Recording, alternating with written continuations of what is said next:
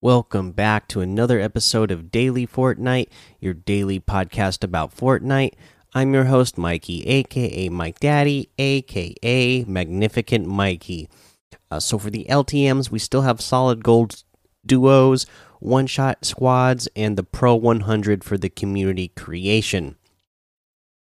Uh, there are a couple of uh, the cups going on today. As we mentioned uh, yesterday, I didn't really know much about them, but we, yeah, there are a couple of soccer cups. Okay, so we have the Seattle Sounders Cup and the Los Angeles FC Cup. As I'm recording this, the first one is about halfway over, and then the uh, Los Angeles FC Cup starts in about an hour. So you play in these solo cups, and uh, the basically uh, the prizing for this is that you get the new soccer skin.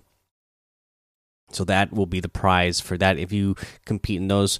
Um, let's see here. Other than that, yeah, the not a lot of news today for gameplay. There'll be some stuff that we're talking about later in the item shop, but uh, nothing else for that, I don't think.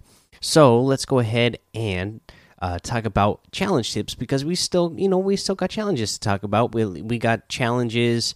Um, from the uh what are they calling this quest line again? I, I always forget already. The Jungle Hunter quest. I always just want to call them the Predator uh, quest, but I know that uh, you know it's got the correct name. So uh, let's give you a tip for one of those again, since we have uh, those. Uh, you want to get that emo, right? You want to get the emo where you pull the helmet off of your face and you get to see Predator's full face. So you need to go to Predator's apartment, and that is the building that is the most east building in Hunter's Haven.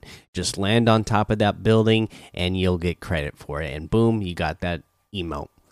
Uh, I feel like I maybe I mentioned that one now that I'm talking about it, but maybe I didn't.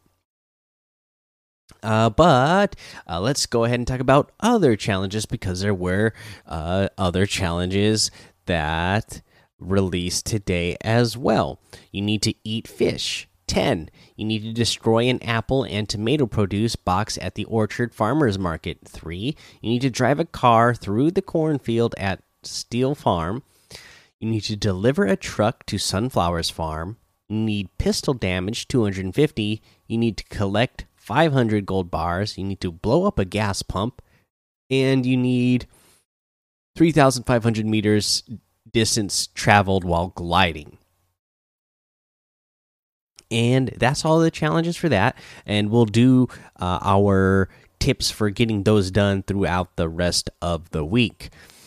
Uh, let's go ahead and get into the item shop today. The Gref uh, bundle is still there. You have Moisty Merman outfit with the Mer Tank backbling for 2000, the Swamp Stalker outfit for 800, the Paper Plane Glider for 800, the It's Complicated emote for 500, the Double Up emote for 500, the Pizza Party emote for 200. We have the Cozy Chomps outfit with the Sharky Shawl backbling for 1200, the Comfy Chomps outfit with the Overbite backbling for 1200, the Sail Shark glider for 1500, the Sharky Slappers harvesting tool for 500, the Sharky Wrap for 300, the Bubble Bomber outfit with the Bubble Blast backbling for 1200, the Bubble the Bubble Popper harvesting tool for 800, the Bubbly Bombs wrap for 300. And the new stuff that I talked about, uh, you will know what it is already if you have signed into the game because there's a little promo video for it where uh, you see this robot arm going down in uh, some hot molten magma, right? And Jonesy appears out of a portal, grabs the robot's hand, and pulls him into the Fortnite world. And the robot we are talking about, of course, is the T 800 Terminator. And there was a little. Uh, teaser that was posted, one of the audio logs that was posted on Twitter as well, that gave us a clue that the other character that was coming to the item shop today was Sarah Connor, or is Sarah Connor, I should say. So that is the other character that is in the item shop today. There is a bundle for this. Um, So yeah. Oh, and then I should also say that the uh, throwback axe is in the item shop for free as well. So all you have to do is go in there and claim that. Uh, but yeah, so let's get back to this uh, Sarah Connor and T800. So you can get the Future War bundle uh, here, and it'll include Sarah Connor outfit. She was just a girl from LA, but Destiny had big plans for her. Uh, you can have the Sarah Connor style or the Resistance Leader style.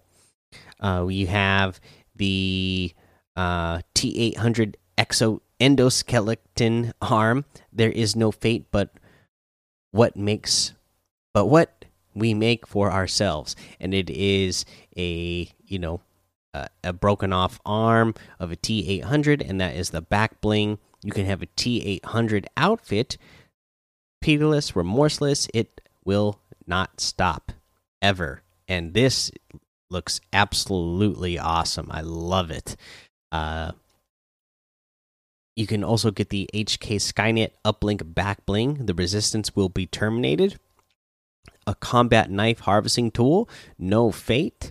You will get the Techno Grip axe harvesting tool with real barrier smashing action, and a Cyberdyne salute. He'll be back.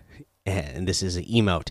And I love so your character raises their arm in the air, puts up the thumbs up, and the arm catches on fire. Just that is awesome. So this bundle is two thousand eight hundred V bucks. That's seven items, and that is a total of one thousand six hundred V bucks off the totals if you got each of these in items individually.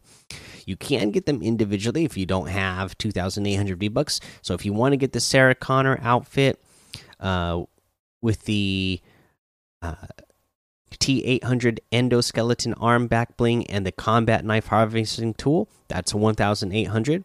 The T800 outfit with the HK Skynet uplink back bling is 1,500. The Techno Grip axe harvesting tool is 800, and the Cyberdyne salute emote is 300 V bucks. Uh, so that's everything today, guys. You can get any and all of these items using code Mike Daddy M M M I K E D A D D Y in the item shop, and some of the proceeds will go to help support the show. Okay, for the tip of the day today, uh, I just kind of wanted to uh, talk about you know just because we got the post very recently, just a couple days ago, about the competitive and how you know they are you know they did reiterate that uh, you know it's going to be trios for all of 2021 and i just kind of wanted to talk about how you should set your trio as as soon as possible obviously but then you should try to keep that team together. And that means uh you know for for a long for the long haul try to stay together for all year if you can because it will you know uh, bring a continuity to the team a familiarity with the team and uh, just hopefully that will bring your team more consistency the longer you're working together. But when you're when when you're when you once you have your team you really got to practice together. You got to dedicate time to practicing together as a team. That's the only way you're going to get better so that you all learn each other's play styles and who's best at what and uh, who's good in which situations and figuring that all out. And you know, the best way to do that is uh, I would jump into creative mode, uh, you know, perhaps like trios set up at, as zone wars or box fights. That way, you really have uh, the most uh, combat that you can possible in a short amount of time uh, and not just playing out long if you're playing out long matches and you're just playing for placements all the time uh, you're there's going to be so many parts of the game that you're not getting enough practice in together as a team that uh, as a as good as it is to you know get the placements you're not going to be uh, getting enough practice in pressure situations uh, for when you really get in those big competitions.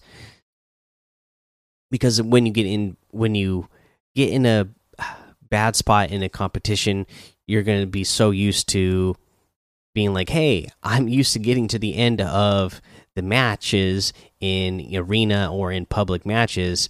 I'm not used to having to uh, fight such good players so early in the match. So just jump into some game modes where you are fighting right off the get go. That way, you're just used to them all the time, and that your team is used to them all the time, uh, and uh, can get some of those elimination points on top of it. So, yeah, get that team together, uh, put yourself in as many uh, practice situations as you can.